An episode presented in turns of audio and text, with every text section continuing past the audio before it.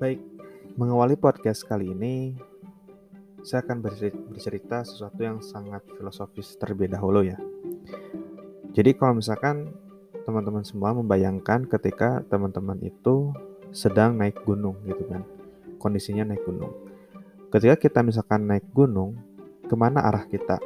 Ya, tentu semua orang akan sepakat bahwa kalau misalkan kita naik gunung, maka arahnya adalah naik ke atas gitu ya. Nah, ketika kondisinya kita sudah naik di titik puncak gunung, ketika kita jalan lagi, maka kita akan turun. Bener nggak? Semua orang pasti sepakat kan?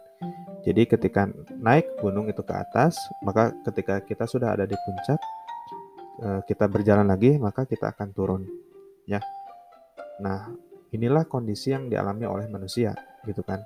Ketika dia semakin dewasa di titik puncak dewasa, maka ketika selama berjalannya waktu maka dia akan di fase decline atau turun gitu ya. Atau menopause gitu ya disebutnya. Itu adalah manusia. Jadi jadi ketika dia lahir menjadi seorang bayi menjadi anak gitu ya sampai dia dewasa sampai di ketika dia dewasa di titik puncak maka yang yang terjadi adalah adalah masa penurunan masa penurunan produktivitas gitu ya. Nah itu dari sisi manusianya. Dan dalam skala yang lebih besar atau dalam skala peradaban, kita bicara tentang peradaban ya. Itu pula yang terjadi gitu kan. Ketika peradaban itu sudah ada di titik puncak, maka ada fasenya dia itu akan masa turunnya. Jadi peradaban peradaban itu maju, ketika dia sudah di, di titik puncak, maka peradaban itu akan turun. Nah, inilah gitu kan. Inilah kondisi yang dialami oleh negara-negara adidaya seperti Eropa, seperti Amerika Serikat. Ya. Yang di mana mereka adalah negara-negara maju, tentu kita sepakat, gitu kan. Tetapi yang terjadi saat ini adalah kondisinya justru turun. Nah, kenapa bisa turun? Karena ini adalah fasenya fase decline gitu ya. Fase ketika sudah di titik puncak mereka akan turun kita bisa melihat uh, banyak hal-hal yang sudah ada gitu di sana. Dan negara Eropa jadi bingung ini kita mau bikin apa lagi. Dan masyarakat di sana uh, anak-anak mudanya itu jadi hanya sekedar bekerja sebagai pegawai biasa saja gitu ya.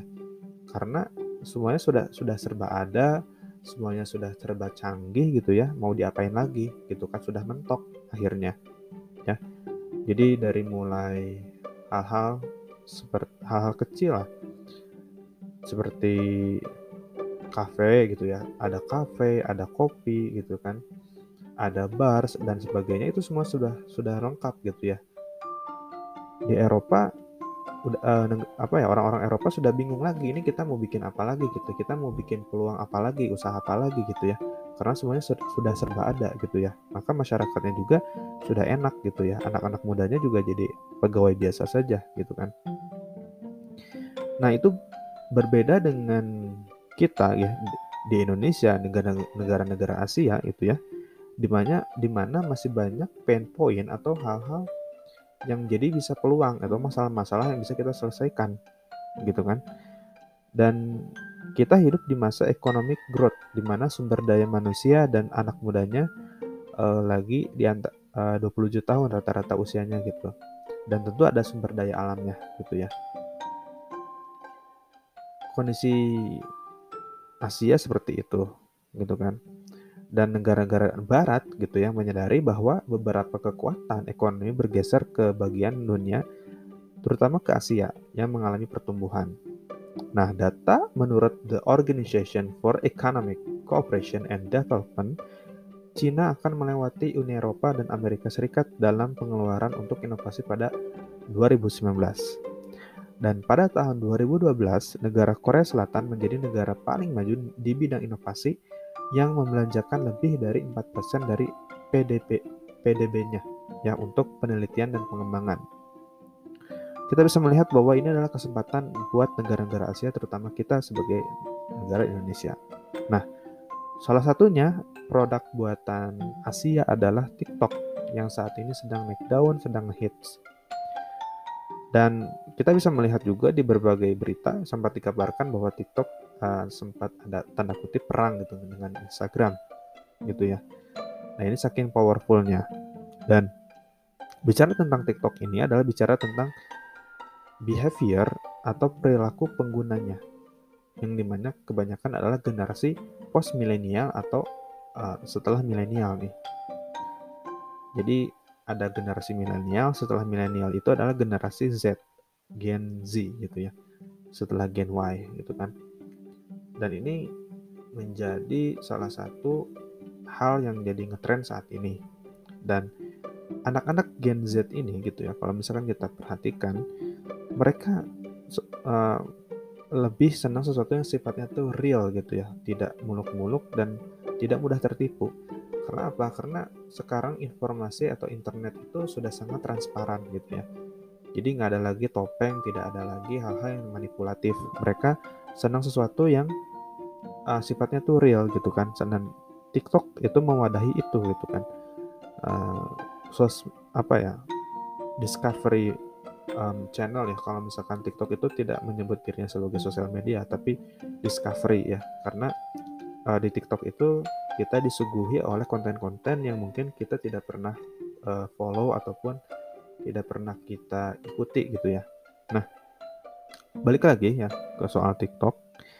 Jadi uh, menurut penelitian dari Futurecast, 77% dari generasi Gen Z itu lebih menyukai iklan yang menunjukkan perilaku talent dalam situasi nyata gitu ya. Jadi daripada uh, mereka alih-alih menggunakan selebriti, Gen Z ini lebih tertarik dengan influencer di sosial media saat mempromosikan suatu brand. Dan real people dan real people gitu ya di, di mata generasi Z ini merepresentasikan pengalaman yang nyata saat menggunakan brand tertentu. Ya, karena mereka tumbuh di informasi tanpa batas, sehingga saling tukar menukar informasi menjadi salah satu kegiatan pemasaran yang biasa dilakukan, udah biasa gitu ya. Dan kita bisa bisa melihat bahwa everybody is content creator gitu. Semua orang bisa menjadi seorang content creator. Yang di mana hal ini tidak mungkin tidak bisa dilakukan 2 sampai 3 tahun ke belakang gitu ya. Karena mungkin ada masalah di hal-hal yang sifatnya teknis di mana orang itu ketika misalkan bikin video itu harus punya peralatan yang canggih, laptop yang spek yang mumpuni dan sebagainya. Namun dengan adanya TikTok ini semua orang bisa uh, melakukannya gitu ya. Everybody is content creator gitu kan. Dan ini kita bicara tentang kreativitasnya aja, bukan teknologinya. Ya, bahkan ini adalah kesempatan kita semua gitu ya untuk uh, mengambil bagian peran itu. Maka pertanyaan uh, terakhir adalah untuk mengakhiri podcast ini adalah apakah kita hanya sebagai consumer atau sebagai player atau pemain? Gitu. Itu poin pentingnya